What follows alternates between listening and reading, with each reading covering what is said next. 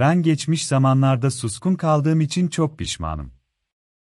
Yazan Ayşe Baykal Bugünkü yazımda Ukrayna'da yaşayan ve sesini duymanızı istediğim bir kadın olan Elena Stakovskaya ile yaptığım söyleşiyi paylaşacağım. Elena, yeğenimin arkadaşı. Bu sayede kendisini tanıdım. Genç yaşta savaşa tanıklık eden Elena'nın anlatacaklarını okumanızı öneririm. Görüntülü olarak yaptığımız söyleşide bize tercümanlık yapan Oksana Erbay'a da ayrıca teşekkürlerimi sunuyorum. Oksana, aslen Ukraynalı olan bir Türk vatandaşı. Aile bireylerinden savaş bölgesinde olanlar var. Bu sebeple Oksana ile Elena'nın gönül dostlukları oluştu. Elena, seni tanıyabilir miyiz? Ben, Kiev sakiniyim. Bruva adındaki yerleşim yerinde doğdum ve orada yaşıyorum. Yüksek lisans mezunuyum. Ziraat ve müzik okulu okudum.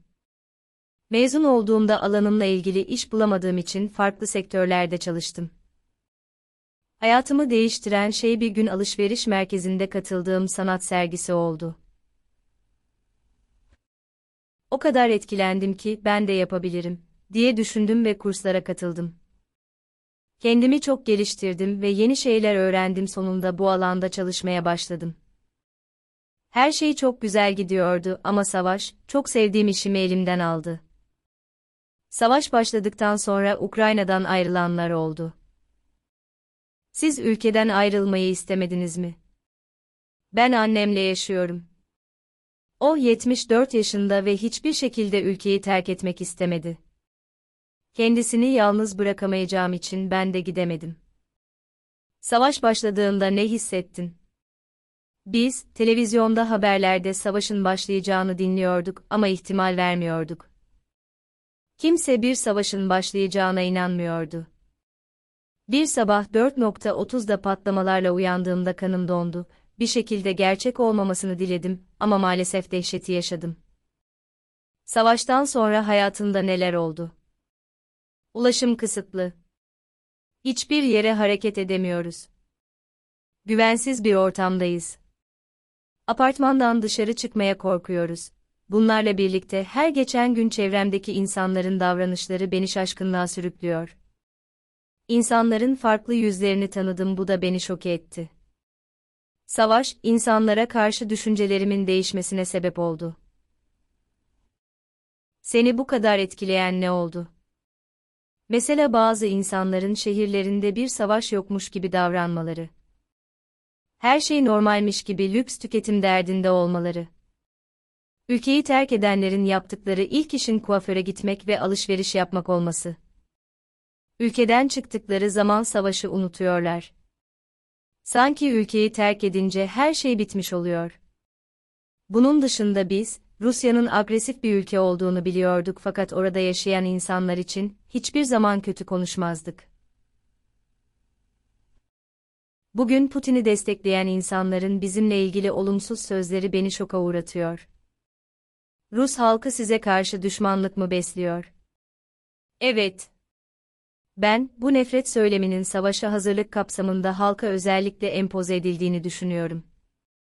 Başımdan geçen ilginç bir olayı anlatmak istiyorum. Şubat ayında İstanbul'daydım. Kaldığım otelde bir Rus kadın yanıma geldi ve aplikasyonla ilgili yardımcı olabilir misiniz, diye sordu. Ben de kendisine yardımcı oldum ve sorununu çözdüm. Kendisine yardım ettiğim için çok şaşırdığını söyledi. Nedenini sorunca da siz Ukraynalıların bizden nefret ettiğini düşünüyordum ama siz bana yardım ettiniz, dedi. Savaşın başlamasıyla ilgili devlet başkanınız Volodymyr Zelenski'nin sorumluluğu olduğu iddiaları ile ilgili ne düşünüyorsun? Bizim başkanımızın suçu veya sorumluluğu olduğunu düşünmüyorum. Savaşı başlatmak için bir şey yaptığını da düşünmüyorum. Ruslarla ilgili gayet iyi ilişkilerimiz vardı. Tamamen Putin'in Kırım'ı ele geçirme planı yüzünden savaş başladı.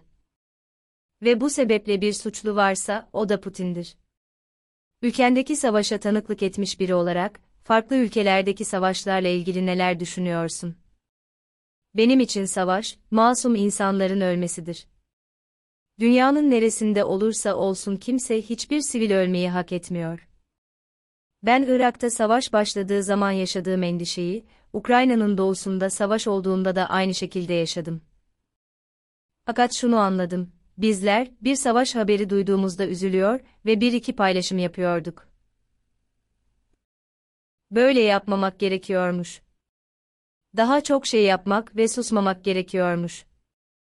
Ben geçmiş zamanlarda suskun kaldığım için çok pişmanım. Savaşın kısa zamanda biteceğini düşünüyor musun? İki taraf da kayıplar yaşadı ama bir anlaşma sağlanmadı.